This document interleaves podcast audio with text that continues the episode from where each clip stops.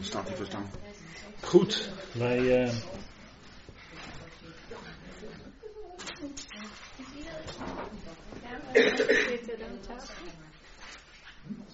wij gaan beginnen met elkaar en eh, dat doen we weer eh, in het eh, vervolg van eh, de vorige keer.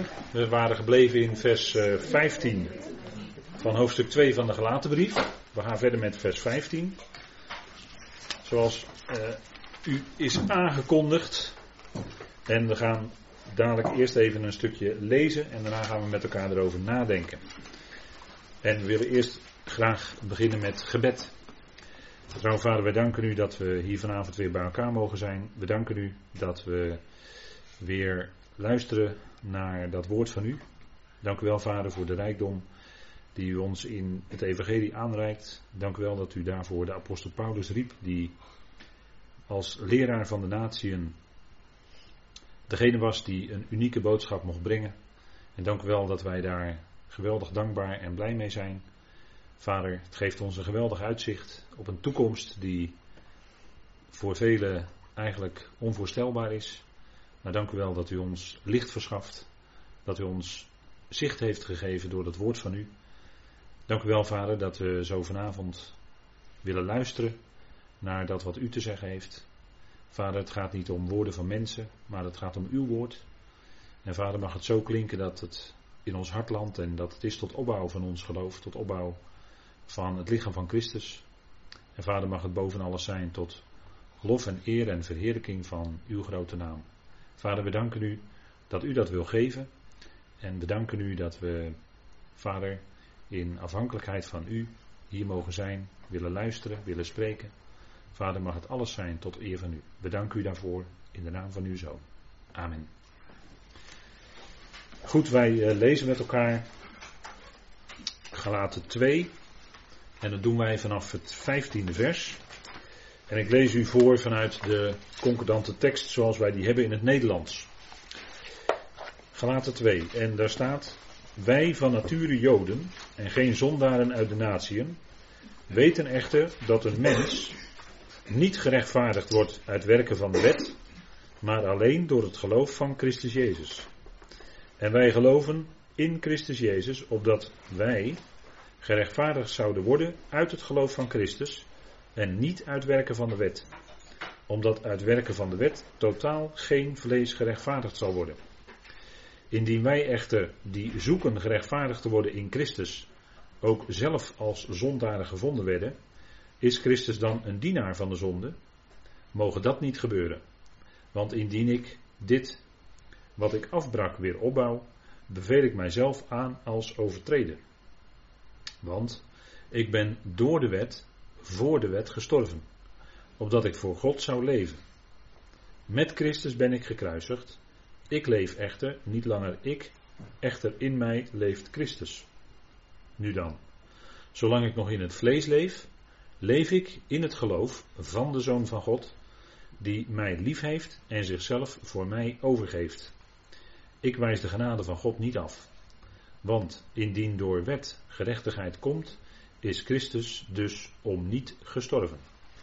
Nou, duidelijke woorden. En dit zijn woorden die Paulus uitspreekt en die opgetekend staan. En die heeft hij waarschijnlijk uitgesproken in die ontmoeting met Petrus. De vorige keer toen hij uh, in aanvaring kwam met Petrus. En Petrus, uh, omdat Petrus zich uh, terugtrok van de tafel met de heidenen. En omdat er sommigen van Jacobus kwamen. En hij wilde dat. Uh, hij was bang voor hen, daar kwam het eigenlijk op neer. Hij was bang voor ze. Dat waren de wettische mensen. En die uh, zouden het hem zeker kwalijk nemen als ze zouden zien dat hij met de natieën, met mensen uit de volkeren aan tafel zou zitten.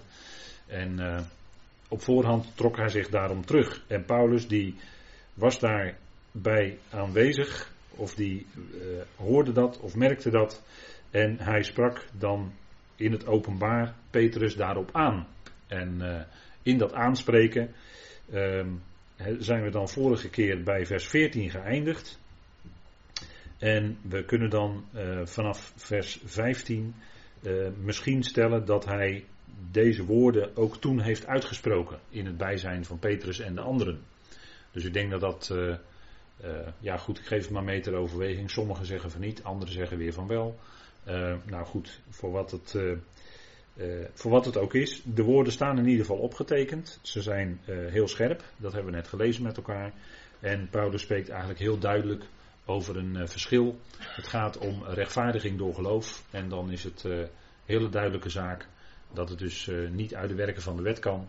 Maar dat, daar zullen we vanavond dan wel dieper op ingaan. Omdat we deze versen vanavond zullen behandelen. En dan gaan we op dat punt ook heel diep in. En dan wordt het, ja goed, dan zullen we zien hoe zaken zitten. En wij lezen dan in uh, dat vijftiende vers.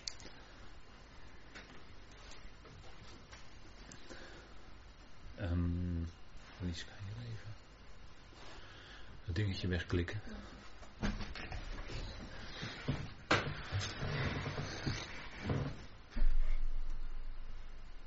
Nee, links, links. Nee, ja, ja, doe maar sluiten.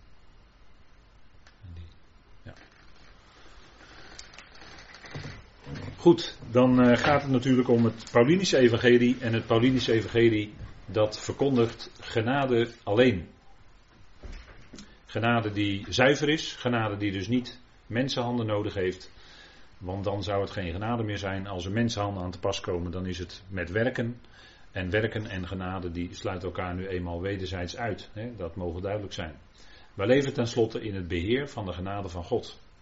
Efeze 3, vers 2, die zegt dat duidelijk we leven in, uh, je kan ook zeggen, de administratie. het Engelse gebruikt het woord administration. Er staat eigenlijk oikonomia, dat betekent letterlijk huis, wet of huishouding. Dus God heeft de huishouding van deze tijd zo ingericht dat genade regeert. En niets anders dan dat. Dus niet de wet, we zijn niet onder de wet, maar we zijn onder de genade. Dat mogen duidelijk zijn. Nou, het gaat om genade alleen. Dus er kunnen geen voorwaarden gesteld worden. Uh, het is namelijk allemaal al volbracht. Dat is de boodschap die Paulus brengt. Hè? We hebben ook gelezen met elkaar, die versen 20 en 21 met name. Uh, vers 19 hoort daar ook wel een beetje bij. Maar uh, het betekent dat Christus gestorven is. En wij zijn met Christus gestorven. En om die reden alleen al zijn wij niet meer in staat van beschuldiging te stellen. Wij zijn zelfs met hem opgewekt. En dat betekent wij zijn ook gerechtvaardigd want uh, hij werd uh, overgegeven uh, om onze krenkingen en hij, werd overge en hij werd opgewekt om onze rechtvaardiging, zegt Romeinen 4, vers 25. En dat is denk ik een duidelijke zaak. daarom is het eigenlijk allemaal al gebeurd. Hè, op Golgotha door kruis en opstanding. Het is allemaal al gebeurd. En daarom kunnen wij leven en zijn we ons bewust dat we leven in genade, in het beheer van Gods genade. Hè. God regeert door genade. Dat is eh, de boodschap die in de gelaten brief met name natuurlijk luid en duidelijk onderstreept wordt. Want dat evangelie werd aangevallen. Er waren sommigen die brachten een uh, afwijkende boodschap. Een boodschap die afweek van het evangelie wat Paulus had verkondigd. En Paulus zegt, ja, dat is eigenlijk helemaal geen evangelie, want je mixt twee dingen door elkaar. En dan hou je geen evangelie meer over. dat, uh, dat, daarin is hij natuurlijk heel ernstig.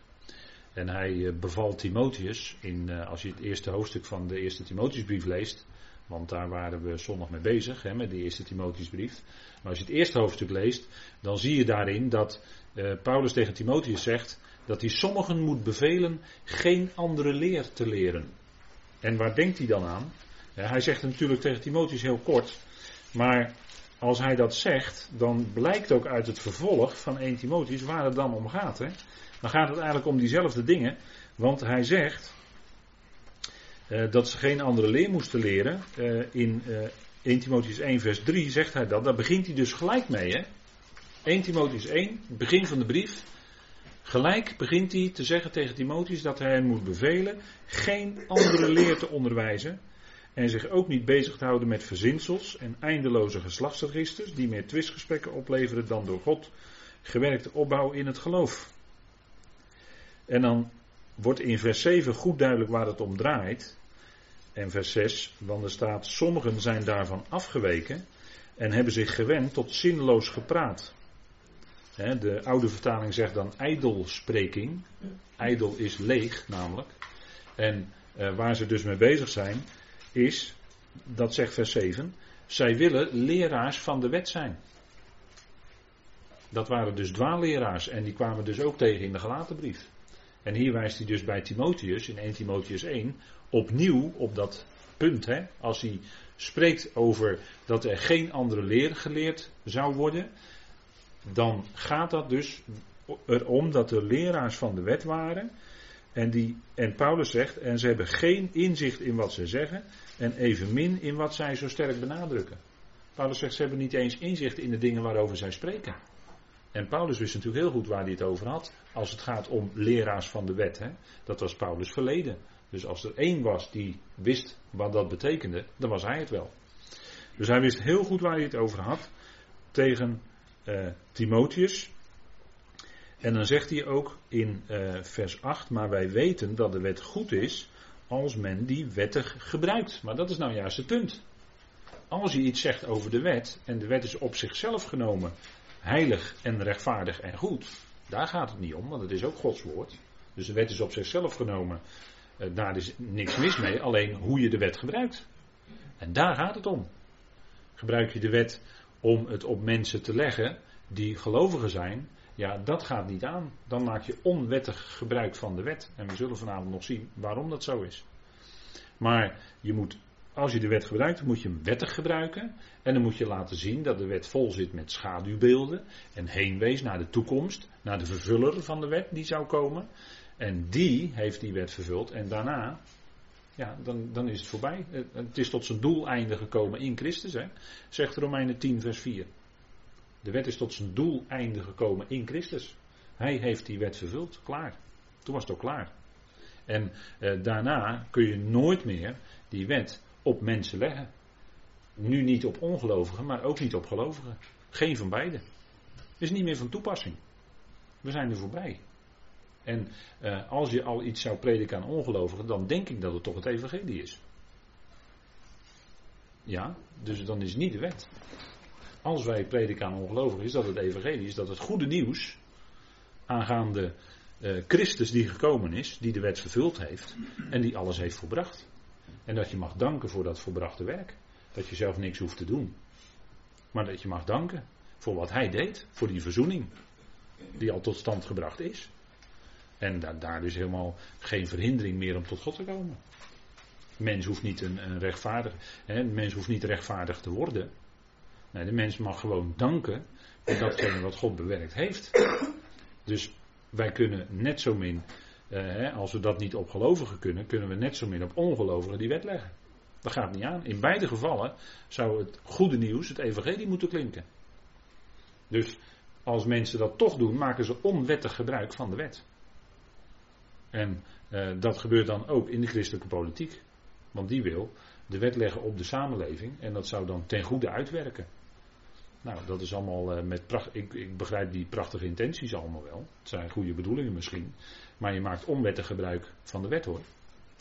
Als er iets vanuit het christenheid of christendom zou moeten klinken, is het evangelie. Het evangelie van Paulus. Maar ja, dat is helaas binnen het christendom ook nagenoeg onbekend.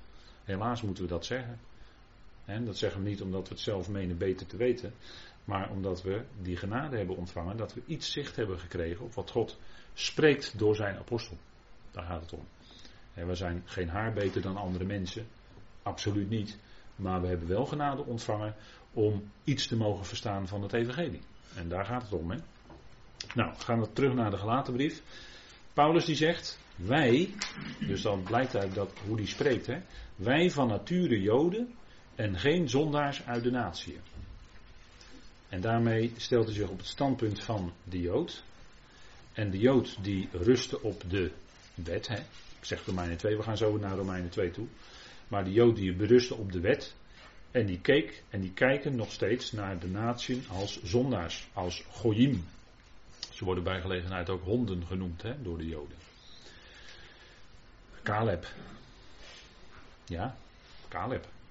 Jawel.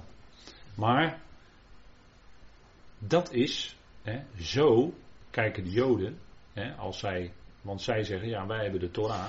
En van daaruit kijken ze dus naar de natie. Dat zijn zondaren. En de Joden zijn niet zo, uh, niet zo bezig met uh, het vermijden van de zonde. Maar ze zijn meer bezig met het willen voldoen aan de Torah. Ze zijn niet zo bezig met dat zondaarschap hoor. Maar kijk, want ze zeggen ja, wij zijn van nature Joden, wij zijn van nature het uitverkoren volk, wij, zijn, wij horen bij de besnijdenis. En daarmee stellen ze zich wel degelijk uh, hoger dan, uh, dan, de, dan de Goyim. Ik heb eens geprobeerd in Jeruzalem een, een, gesprek aan te knopen, een serieus gesprek met een, met een, een van die orthodoxen, hè, die daar in dat zwart rondlopen. En die wilde mij wat verkopen. Dat had ik wel in de gaten, maar ik probeerde een gesprek met hem aan te knopen op grond van de tenag. Ik kreeg geen gesprek met hem. Ja, hij komt uit Nederland, toen ging het ineens over Ajax en over voetbal. Ja, daar wilde ik helemaal niet over praten. Ik wilde over iets uit de tenag praten, maar ik kreeg geen gesprek met hem. En ik denk dat ik wel begreep hoe, hoe dat zat. Ja, ik was maar eentje van de gooi. Nou, dan ga je niet. Eh, nee. Nee. Dus, dat, dus, no way. Dus het zit dicht. En dat is ook zo. Ze zijn natuurlijk uh, verblind, dat is ook zo. Maar Paulus die geeft daarin aan, in dat vers, wij van nature Joden. Dus dan zegt hij, Petrus, natuurlijk ook uit de Joden, Paulus zelf, uit de stam Benjamin notabene. Nou, wij van nature Joden en geen zondaars uit de natie. Zo, dat was het standpunt van de Jood. Hè? En dan uh, zegt hij in dat uh, tweede hoofdstuk, dit is een, een van de bijen, heel mooi beeld natuurlijk. Hè? Daar kan je ook een avond mee vullen hoor, om te praten over de bijen, wat dat betekent. Maar, hij zegt, wij van nature Joden en geen zondaars uit de natie, weten dat de mens niet gerechtvaardigd wordt uit werken van de wet. Pats. En ik vraag me af of Petrus dat ten diepste besefte, wat Paulus hier zegt. Ik vraag me dat af. Want Petrus predikte zelf de vergeving van de zonden. Hè? Hij predikte niet predikte nooit rechtvaardiging door geloof. Dat predikte Paulus wel. Maar dat was al natuurlijk al voor de wet. Maar als je nou afvraagt, hè, want Paulus heeft, dus, heeft het over wij van nature Joden. En als je nu afvraagt wie is nou eigenlijk een Jood, dan zullen de orthodoxen zeggen, ja wij, wij zijn Joden, want wij zijn zonen van Abraham. En toen schudde de Heer ze wakker in Johannes 8, want hij zei, ja, jullie zeggen wel dat je zonen van Abraham bent, maar je bent zoon van je vader. En je vader is niet Abraham, maar jullie vader is de duivel. De Heer Jezus zei wel heel krachtige woorden soms hoor. Heel scherp. Hij zegt, jullie hebben de diabolos tot vader. Niet Abraham, dat menen jullie wel. En, en naar het vlees gerekend zou je dat misschien nog ergens kunnen veronderstellen.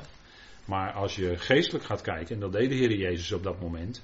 Toen zei hij, ja, maar jullie zijn zonen van jullie vader, de duivel. Die een mensenmoorder is van de beginnen. Dat zei hij tegen de Joden in Johannes 8. Dus als we nou ons afvragen wie is nou eigenlijk een Jood, dan geeft Paulus daarop antwoord in Romeinen 2. Want daar staat, zie, u wordt Jood genoemd en je steunt op de wet en je roemt in God en kent de wil en onderscheidt wat wezenlijk is, omdat jullie uit de wet zijn onderwezen. Dus ze hadden wel licht door de Torah en daarin konden ze dingen onderscheiden. Maar in de loop van de tijd hadden ze zich daardoor ook uh, op een hoger uh, standpunt gesteld dan de natie. ze voelden zichzelf echt verheven boven die natie. En uh, dat is omdat zij in die Torah waren onderwezen. En natuurlijk hadden ze daardoor meer licht dan de natie, uiteraard. ze, ze hadden zicht gekregen op hun God, de God van Israël, JW. hij die is de ik ben. Daar hadden ze zicht op gekregen ze steunden op de wet, ze steunden op hun Torah, zij hebben de Torah en ze roemen in God. En ze kennen de wil, de wil van God, door, de, door middel van de Torah. En ze onderscheiden wat wezenlijk is, waar het om gaat.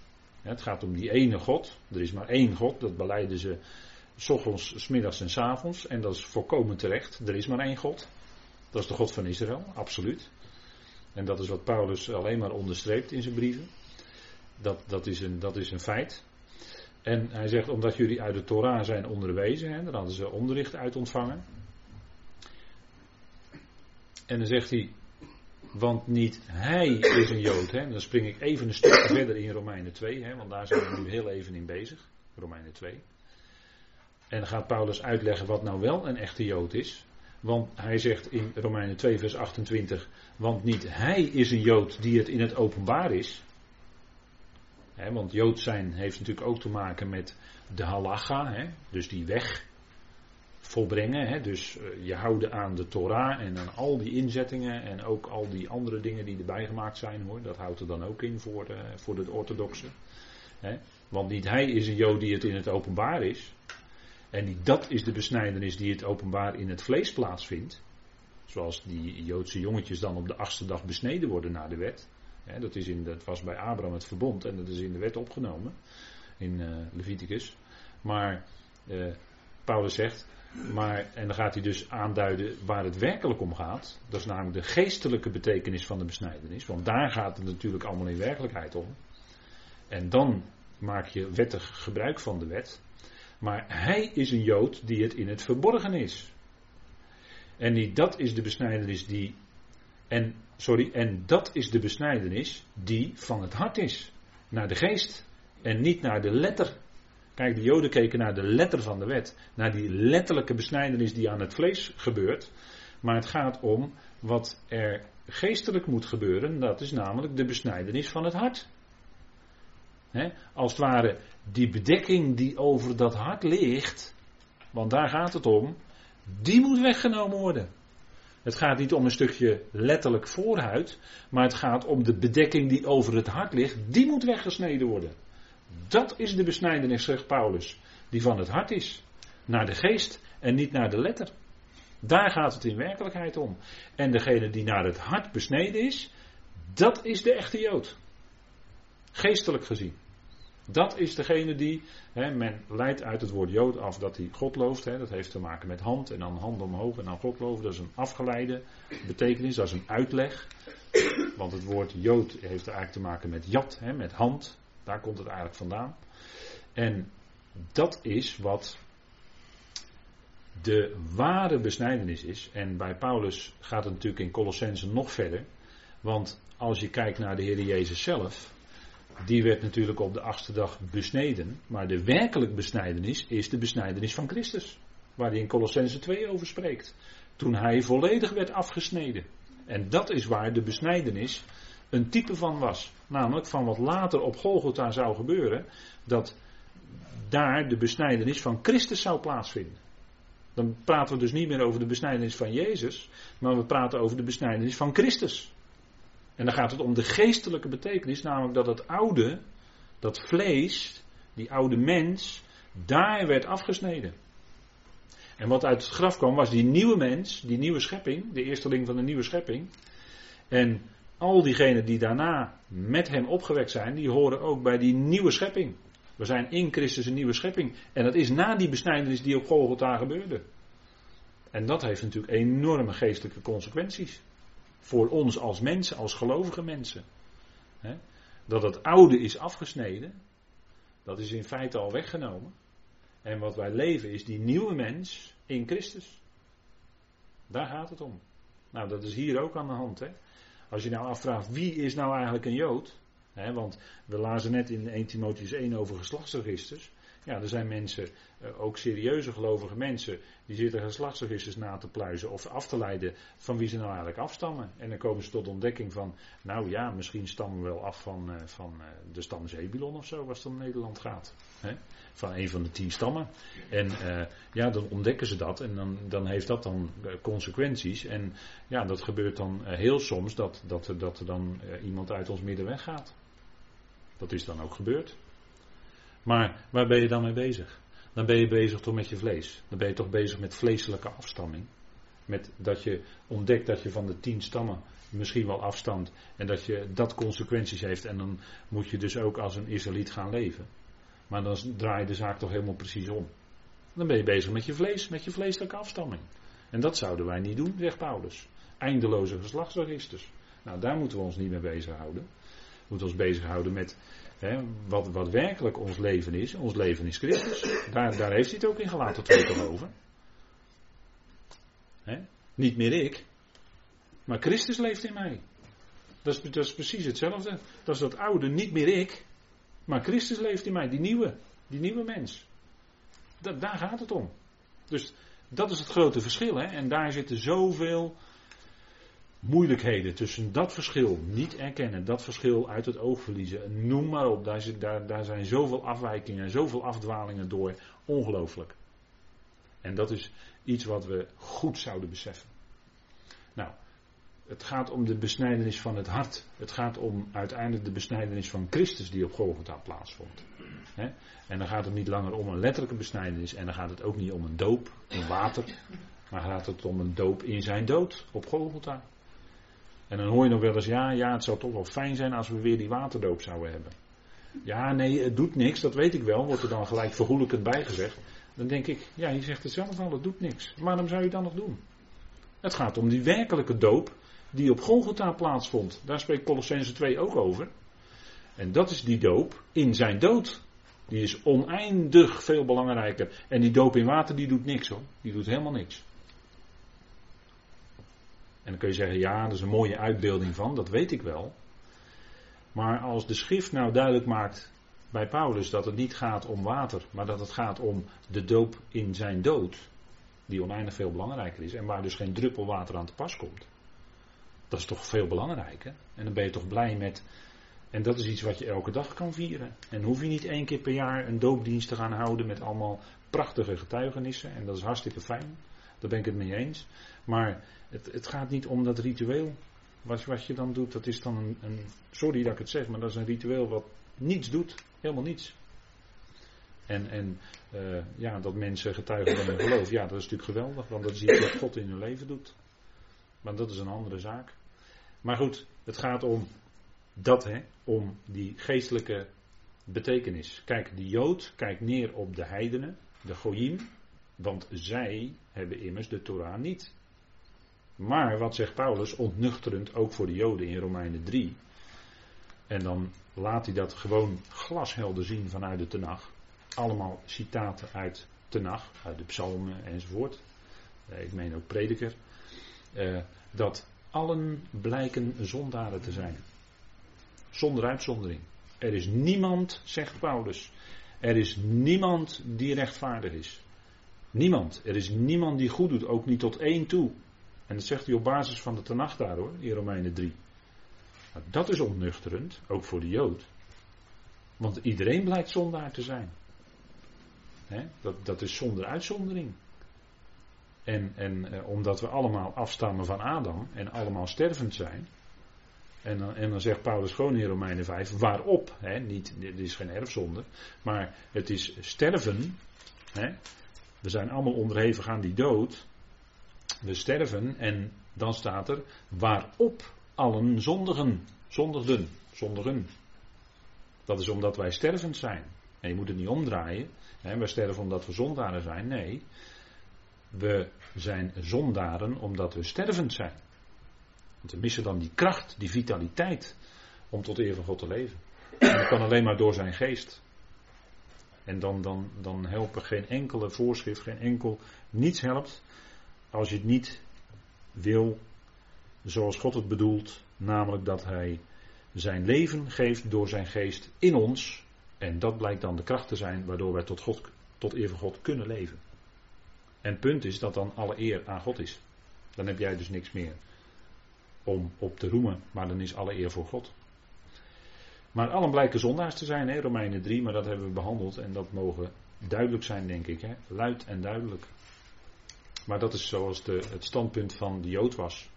Kijk, en als we praten over rechtvaardiging, want dat doen we vanavond, ehm, dan uh, gaat het niet om vergeving van zonde.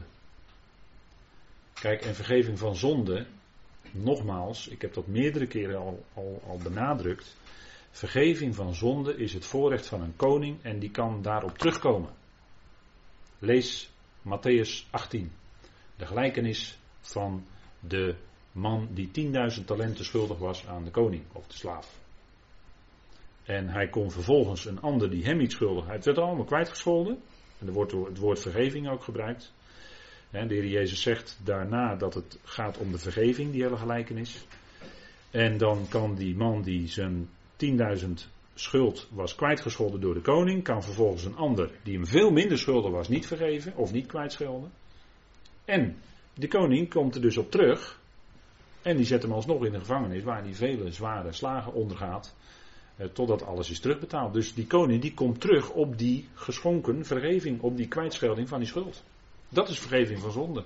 Daar kan op teruggekomen worden. Kijk, in de Tenach was het zo. Leviticus. De priesterlijke dienst, waarom was die er onder andere? De belangrijkste was dat de priester zou onderricht geven uit de Torah. Belangrijkste. Maar een andere functie van de priester was dat de Israëliet kon naar de priester toekomen. Hij had iets verkeerds gedaan en kon dan een offerdier aanbieden als naderingsgeschenk voor JW. En zo kon dan die schuld of die zonde kon hem vergeven worden. Als dat offerdier door de priester werd geofferd, dan was dat voor Yahweh een teken. En dan kon Yahweh op basis daarvan vergeven. Dus de Israëliet kon alleen vergeving van zonde ontvangen bij een offer dat hij bracht bij de priester. Vergeving, dat is vergeving in Tenach onder het oude verbond door de ontfermende God. Door de God die barmhartig is. Maar Paulus maakt duidelijk in Romeinen 3 dat die zonde daarmee niet weg was. Die werd bedekt. Dat gebeurde ook op grote verzoendag door de hoge priester. Weet wel, die twee bokken. De ene bok die werd geofferd en de andere bok die ging de woestijn in. Schitterende typologie. Maar daar gaat het nu even niet om. Het gaat erom dat dan de zonden weer voor een jaar werden bedekt, maar dat moest steeds herhaald worden. Ik zit nu in de Hebreeënbrief. Dat moest steeds weer herhaald worden. Maar dan zegt de Hebreeën schrijver dat nu eens voor altijd er één offer gebracht is, namelijk Jezus Christus. En dat was eens voor altijd voldoende. En toen waren de zonden wel weggedaan. En hij is dan de hoge priester naar de ordening van Melchizedek, die inderdaad ook uh, ja, genoegdoening doet voor de zonde van het volk, hè, zo staat er dan. Maar hij heeft zichzelf gegeven als offer en daarmee was het ook weggedaan. En zal ook uiteindelijk aan het einde van de eonen de zonde definitief uit het heelal weggedaan worden. Dat staat in Hebreeën 9 vers 26. Maar die priester onder het oude verbond, die kon dan dus die vergeving mede bewerkstelligen door dat offerdier te brengen namens de offeraar. En uh, zo was het onder het oude verbond, hè, in Tenach. Leviticus is op zich een fantastische studie hoor, als je die offers gaat bestuderen, want dat zijn geweldige typen natuurlijk. Maar goed, we gaan gauw door. De Israëliet, want het gaat verder, nadat het offer was gebracht, het lam, met een hoofdletter, het lam van God, hè, dat zei Johannes, zie het lam van God door de zonde van de wereld wegneemt. De Israëliet kon door bekering vergeving van zonden ontvangen. En dat is dan wel natuurlijk een, een hele stap verder op basis van het offer van het lam van God door Gods barmhartigheid. Dat is de tijd van handelingen. Dus dan zijn we een stap verder. Hè? Maar dan gaat het nog steeds om de prediking dat er bekering mogelijk is. bekeert u, keer je om. En dat werd aan de Israëlieten gepredikt. Keer je om tot vergeving van zonde en je zult de gave van de Heilige Geest ontvangen. Zo was Petrus bezig, helemaal in de lijn van het Koninkrijksevangelie. Wat predikte vergeving van zonden. Maar nogmaals, daarop kon teruggekomen worden, want die hele gelijkenis in Matthäus 18, die is profetisch over de handelingentijd. Degene die 10.000 talenten kwijtgescholden was, was Israël. En Israël kon op hun beurt, of op zijn beurt, niet de heidenen vergeven. Want zodra er gezegd werd dat Paulus naar de heidenen ging, werden ze, werden ze woest. Werden ze woest. En ze wilden hem lynchen. Handelingen 21 en 22. Ze wilden hem lynchen. En er zaten ook Messias gelovige Joden bij hoor, die dat wilden. En ze konden het niet accepteren. Ze knasten tanden als ze hoorden dat hij naar de heidenen zou gaan en dat die ook zouden horen. Ze konden dus die heidenen niet accepteren. Dus degene die eh, bij wijze van spreken aan hen veel minder verschuldigd was dan zij ooit aan Yahweh, konden zij niet vergeven. En daarom ging dat volk alsnog in ballingschap of in de gevangenis en ze ondergingen afgelopen 2000 jaar vele zware slagen. En ik weet wel dat je daar een hele theologie uit kan ontwikkelen, maar dat bedoelen we niet. Maar dat is natuurlijk wel wat er gebeurd is. Ze werden tijdelijk terzijde gesteld. Als het gaat om licht voor God zijn voor de natieën. Op dat aspect werden ze terzijde gesteld. En ze inderdaad zijn in ballingschap gegaan. En ze hebben daar heel moeilijk gehad. Veel discriminatie en ongelooflijk veel onrecht is aangedaan, absoluut. En dat is verschrikkelijk. Daar zijn door de kerk ook zwarte bladzijden geschreven als het gaat om het Joodse volk. Die ze hadden moeten zien als Gods uitverkoren volk. Maar ze dachten dat ze zelf in de plaats van Israël gekomen was. Hè, de, verderfelijke, de zeer verderfelijke vervangingstheologie. Hè, dat is een verderfelijke leer die niet schriftuurlijk is. ze, hadden, ze hadden moeten zien dat Israël inderdaad Gods volk is. En ze hadden ze moeten opvangen. En, maar in tegendeel, wat heeft de kerk gedaan? Nou, dat kunt u allemaal nalezen. Maar goed, uh, zij ontvingen op dat moment vergeving van zonde. Dat was de prediking van Petrus, het Koninkrijksevangelie. Petrus predikte, Petrus predikte dus niet rechtvaardig in door geloof. Hè? Nooit, never in handelingen. Je leest het nergens. Ging om vergeving van zonde. En Paulus is met iets anders bezig. Paulus betoog hier in Galaten 2 is leerstellig en gaat over de rechtvaardiging. En dat was essentieel. Die gelaten moesten opnieuw daarin onderwezen worden. Want ze waren dat toch een beetje kwijtgeraakt. Doordat ze op het dwaalspoor van de judaïsten waren gezet. Die twee dingen door elkaar mixten. En ja, dan hou je niks over. Dan hou je geen evangelie meer over. Niet een evangelie wat niet werkt in de, dan werkt het ook niet meer in de praktijk van je leven. En dan zegt Paulus in Galaten 2 vers 16, wetend dat een mens niet gerechtvaardigd wordt uit werken van wet, maar door het geloof van Christus Jezus. Alsjeblieft. Dit is evangelie, hè? Dit is evangelie, hoor. Een mens wordt niet gerechtvaardigd door werken van de wet. En, en die gelaten waren opnieuw bezig met die werken. Ja, maar dat gaat niet aan. Het is door het geloof van Christus Jezus. Het gaat nog niet eens om ons eigen geloof, dus dat kan je zelfs al niet meer opwerpen als voorwaarde. En dat God bij gelegenheid wel geloof in ons hart schenkt aan het evangelie, ja, maar dat is ook genade. Dus het is door het geloof van Christus Jezus. goed lezen, er staat hier gewoon in de grondtekst van een tweede naamval. Heel simpel. Dat is de kern van de tweede naamval. Hè? Van. Dus het duidt op de oorsprong. Het geloof van Christus Jezus. Dus een mens wordt niet gerechtvaardigd uit werken van de wet, maar door het geloof van Christus Jezus. Nou, ik denk niet dat je het veel duidelijker kan zeggen dan zo, hè. Dit is wel erg, erg helder, hè. Wat is het niet en wat is het wel? Nou, heel duidelijk. Paulus is gewoon heel, heel klip en klaar en helder. En kijk, want genade, dat, dit vond ik wel een aardige van Visje. Genade is niet goedkoop, maar wel gratis. Is toch wel even, even een leuke, denk ik, zo tussendoor. Hè? Want ja, gratis is, uh, gratis is niet een beetje, gratis is gewoon helemaal gratis. Dan is het niet, uh, niet twee halen, één betalen, maar dan is twee halen, niks betalen. Dus dat is genade, dat is uh. Prachtig woord hoor. Vreugde zit daarin. Hè? En, en daarom zeggen we ook altijd van ja, van, van dit evangelie, daar word je blij van en daar blijf je ook blij van. Want genade werkt ook in de praktijk van een geloofsleven. Het is niet alleen tot geloof komen in genade en je bent een gelovige geworden door genade. Nee, je blijft leven in genade. En welk voorzet je, zou ik bijna willen zeggen, je er ook maar voorzet. Maar dat klopt allemaal. Door genade, in genade, van genade, uit genade. Het kan allemaal. maar laat die genade alsjeblieft staan en ga dat niet mixen met werken, want dan raak je die genade kwijt. En dan raak je ook je vreugde kwijt trouwens hoor. Dat garandeer ik u.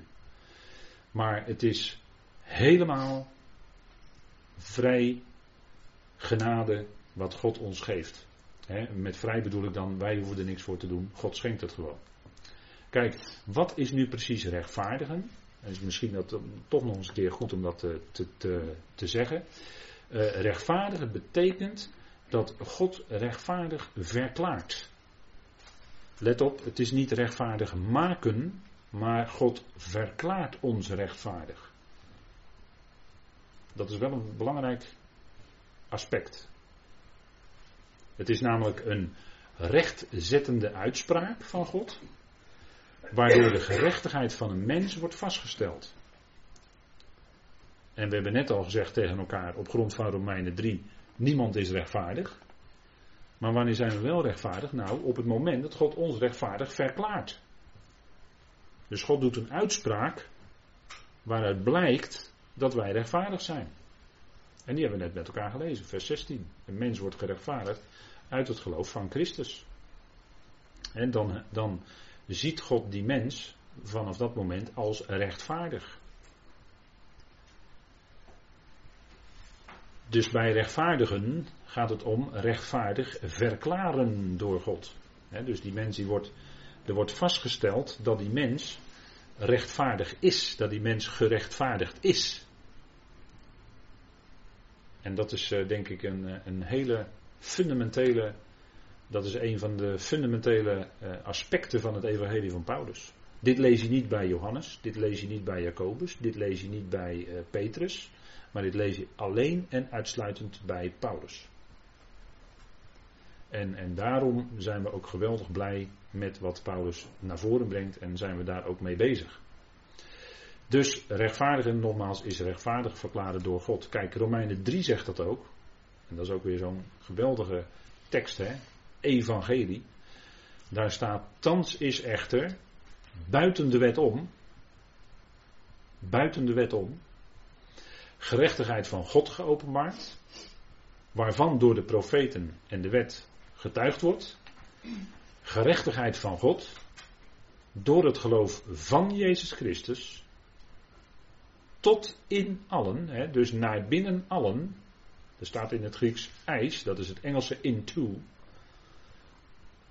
Dus die gerechtigheid die zal daadwerkelijk ook allen bereiken, allen zullen daarin gaan delen, hè, dat staat er eigenlijk. Tot in allen, dat is al evangelie, hè. En op allen die geloven.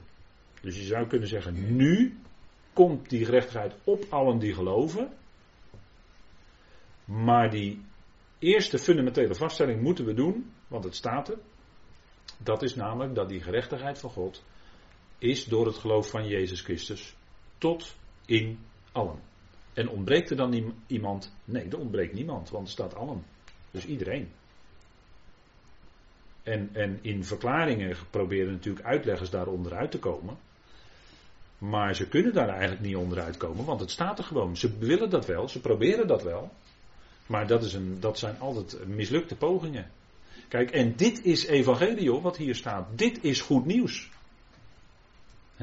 Hier kun je zo'n smile bijzetten inderdaad. Want ja, dit is, uh, hier ga je van lachen. van dat goede nieuws. En, en daar zet je uitroeptekens bij. Want kijk, dit is waar Paulus fundamenteel op wijst in de Romeinenbrief, als hij begint te spreken over dat evangelie, wat een kracht van God is tot redding. Vergis je niet hoor. Het evangelie is een kracht van God tot redding. Voor ieder die gelooft. Iedere gelovige die dit doorkrijgt, hè, die, dit, die dit mag gaan zien, die zal dat ervaren als kracht in zijn leven. En dat is een geweldige zaak, want dat is dynamiet. Hè? Het woord kracht is dynamisch in het Grieks. Daar zit ons woord dynamiet is daarvan afgeleid. Nou, u weet dat dynamiet een hele krachtige uitwerking heeft. Als het tot ontploffing wordt gebracht. En, en als dit evangelie eh, tot, tot eh, opening komt in uw leven, in uw hart. Ja, dan wordt het een kracht van God in je leven. En dan gaat dat werken en dan gaat het doorwerken. En je, je, je kunt dan als gelovige eigenlijk niet echt leven als gelovige in volle vrijheid als je dit niet voortdurend beseft. Dat het hierom gaat. Het geloof van Jezus Christus. Dat is uh, gewoon wat daar staat. En daar kun je niet onderuit. Vertalingen die proberen er ook onderuit te komen. Die gaan dan vertalen het geloof in Jezus Christus. Maar het staat er niet. En, en dat is het punt. Hè. Nou, dus dat komt tot in allen. Dat is natuurlijk het geweldige evangelie. Hè. Dat geloven wij. En niet omdat we dat nou, eh, dat we nou sentimenteel zijn of, of wat dan ook. Dat wordt dus ook allemaal in de schoenen. Ja, jullie zijn sentimenteel en jullie kunnen, kunnen er niet tegen dat. God is rechtvaardig. Nee, God is rechtvaardig en daarom zal hij ook met alle tot zijn doel komen. Juist omdat hij rechtvaardig is. Dat is pas rechtvaardig. Dat hij met alle tot zijn doel komt. En gewoon omdat het daar staat. Ja, dan kun je toch niet anders. Van ja, ja, het staat hier. Dus we kunnen niet anders. Nou, dat, dat is waar het om gaat. Hè? Nou kijk, rechtvaardiging, dat zijn nog zo een paar van die facetten, hè, die er allemaal aan vastzitten. Hè, want dit is natuurlijk een, een geweldig fundament hoor, wat, wat uh, voor ons geloofsleven. Kijk, rechtvaardiging, daarnet hebben we al gezien, is rechtvaardig verklaard worden door God. Dat houdt in vrijgesproken zijn van alle zonden. Dus alles wat ons tegen ons ingebracht zou kunnen worden als beschuldiging, is weggedaan. Want is weggedaan op Golgotha. Is gewoon, is gewoon weg. En, en als wij misschien met, uh, stel nou dat wij in, uh, moeilijk hebben met dingen die wij vroeger gedaan hebben, en we komen daarmee bij God, bij wijze van spreken in gebed, dan zou God zeggen, waar heb je het eigenlijk over? Dan zeg ik het even heel menselijk, hè, maar waar heb je het eigenlijk over? Het is weg. Het is er niet meer, want de zoon, het is allemaal op de zoon gelegd. Hij werd toch tot zonde gemaakt. Kijk, die zonde was voor de meeste mensen geen probleem, maar voor God wel. Dat zegt Romeinen 3. Was voor de meeste mensen helemaal geen probleem. Die hebben helemaal geen problemen met zonde. Die zondigen gewoon, uh, hè, die zondigen er maar wat op los. Helemaal geen probleem. Maar voor God was het wel een probleem. En, hij, en God heeft dat probleem opgelost op Golgotha. En toen was het weggedaan. Toen was die zonde, enkelvoud. Hij werd tot zonde gemaakt.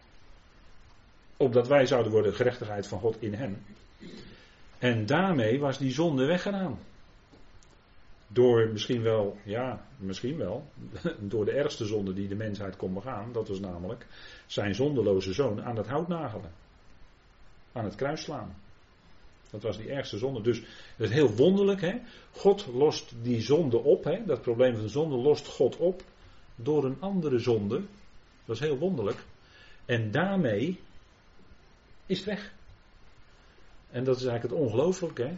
En dat zit al in het Hebreeuwse woord voor zonde, want dat wordt ook vertaald met zondoffer. Dat is het Hebreeuwse woord gata. Dat wordt zowel gebruikt voor zonde als voor zondoffer. En daar heb je het eigenlijk al. Hè? Dus in, met dat zondoffer zou dus die zonde opgelost worden.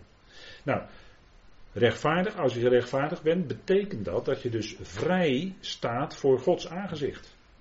Dat dus er geen verhindering is voor de zondaar om tot God te kunnen komen, want alles is, alles is volbracht, alles is weggedaan. Alles wat maar zou kunnen hinderen, al die barrières die misschien waren, die heeft God allemaal, allemaal weg, afgebroken, allemaal weggebroken. Het is allemaal van hen uitgegaan.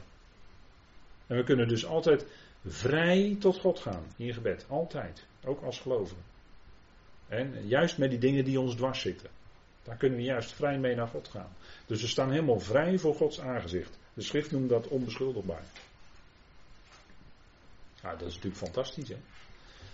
Nou, want Paulus zegt in, dan in het vervolg van Romeinen 3, want allen hebben gezondigd en missen hè, de heerlijkheid van God en worden om niet gerechtvaardigd in zijn genade. Door de vrijkoping in Christus Jezus. Nou, bekende woorden, maar schat ze op hun waarde. Hè. Ze zijn bijzonder waardevol. Het is om niet. Het is in zijn genade. En het is door de vrijkoping in Christus Jezus. Alsjeblieft. Wat wil je nou nog meer? dit is het, hè? Dit is weer evangelie, hè? Dit is goed nieuws. En dat dus allen gezondigd hebben. Hè? Dan herhaalt Paulus het opnieuw. Allen hebben gezondigd. En dan zegt hij in één adem. En worden om niet gerechtvaardigd. En je kunt daar rustig het woordje allen weer invullen, hè, want daar gaat het over. Het gaat hier niet om de gelovigen. Het gaat hier om allen in deze tekst. Want allen hebben gezondigd en missen de heerlijkheid van God. En worden om niet gerechtvaardigd. Over wie gaat het dan? Nou, over allen. Dat is toch simpel? Gewoon doorlezen en je ziet dat het over allen gaat. Dus allen worden om niet gerechtvaardigd in zijn genade door de vrijkoping in Christus Jezus. Nou, wat, wat wil je nou nog meer? Dit is toch evangelie? Dit is toch goed nieuws? Ik bedoel, ja.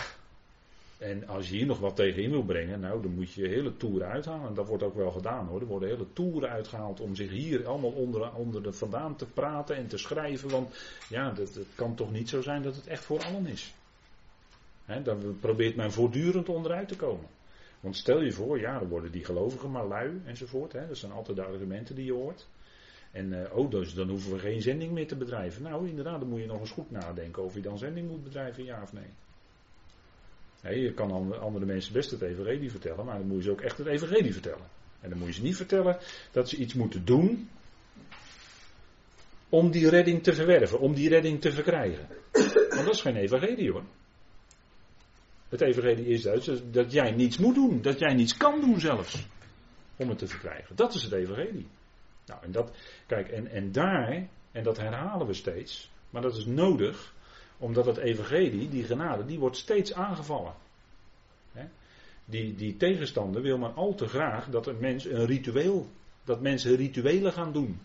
dat mensen allerlei uh, wegen gaan afleggen om bij God te komen of bij God in een goed blaadje te komen, of hoe je dat ook maar noemen wil, of die redding aan te pakken. Dan zeggen ze, ja, God gooit jou de reddingboei, maar je moet die reddingboei wel aanpakken.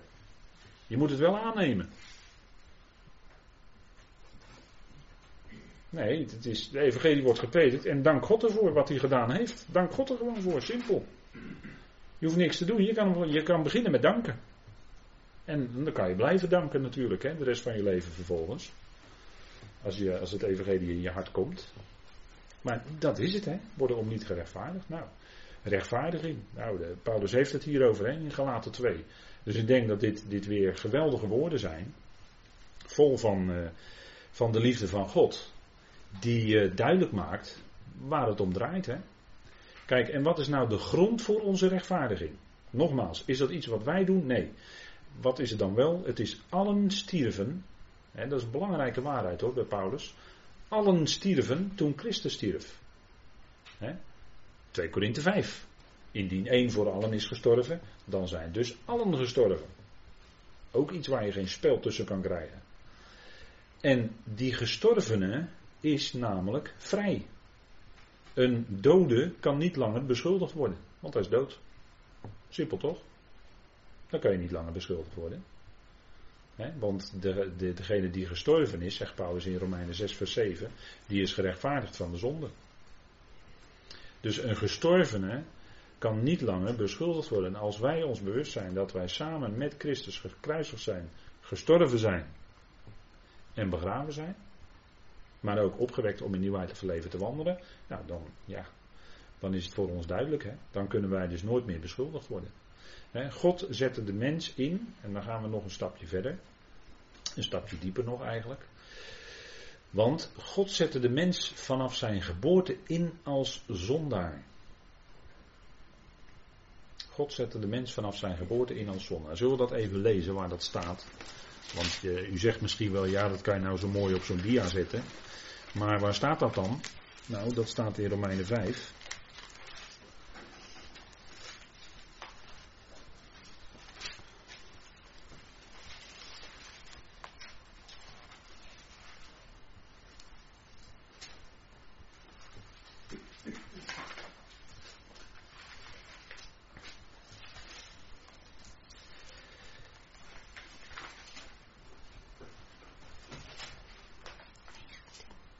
In vers 19. Romeinen 5 vers 19.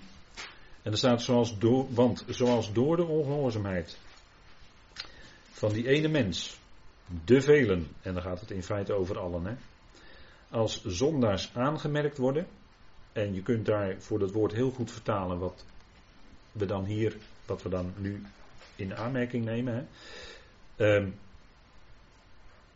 dus indien door de want zoals door de ongehoorzaamheid van de ene mens, Adam, de velen, feitelijk allen, als zondaren ingezet worden, zo zullen ook door de gehoorzaamheid van de ene, dat is natuurlijk de mens Christus Jezus, de velen, en feitelijk is dat allen, als rechtvaardigen ingezet worden. En dat is het punt, hè. Kijk, God zet de mens in vanaf zijn geboorte als zondaar. En dat had de diepe bedoeling dat hij zijn geliefde zoon kon sturen. Die dan gehoorzaam werd tot de dood van het kruis. Dat was eigenlijk de diepe bedoeling die erachter zat.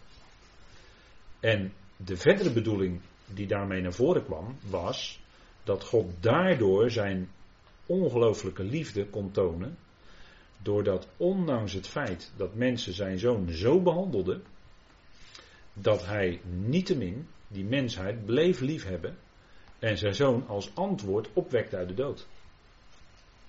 Dat is eigenlijk ongelooflijk hoor. Wat, je dan, uh, wat er dan voor een diepte naar voren komt. Hè, dan, dan, dan zitten we dus bij die diepe bedoelingen van God. Daar denken we dus over na. Uh, dat, dat dus daarom uiteindelijk die mens als zondaar wordt ingezet. En dat is uiteindelijk, hè, heeft straks dan het resultaat dat allen, dus al die mensen, die ooit onrechtvaardig waren, zondaren, die zullen te zijner tijd, en dan zijn er met een hoofdletter, als rechtvaardigen ingezet worden. Allen. De velen. Dat is allen. Hier, hè, in context van Romeinen 5. En ook vanuit het Hebreeuws hoor, kun je dat laten zien. dat woord velen, dat het eigenlijk te maken heeft met allen. dat het in feite duidt op allen. Nou, dat is eigenlijk de diepe bedoeling die God daarmee heeft gehad. Dat hij zijn liefde door zijn zoon te sturen kon laten zien. Dat had het als diepste bedoeling natuurlijk. En zo is het met al die dingen die God uitwerkt in zijn plan.